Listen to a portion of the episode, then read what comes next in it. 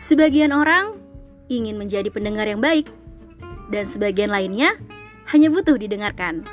Hari ini, saya dan teman-teman saya akan berceloteh tentang cerita, kisah, jokes, tips, atau hal lainnya dalam celoteh pria. Semoga menginspirasi dan bermanfaat ya. Ambil baiknya dan buang yang buruk. Tetap sedang semangat.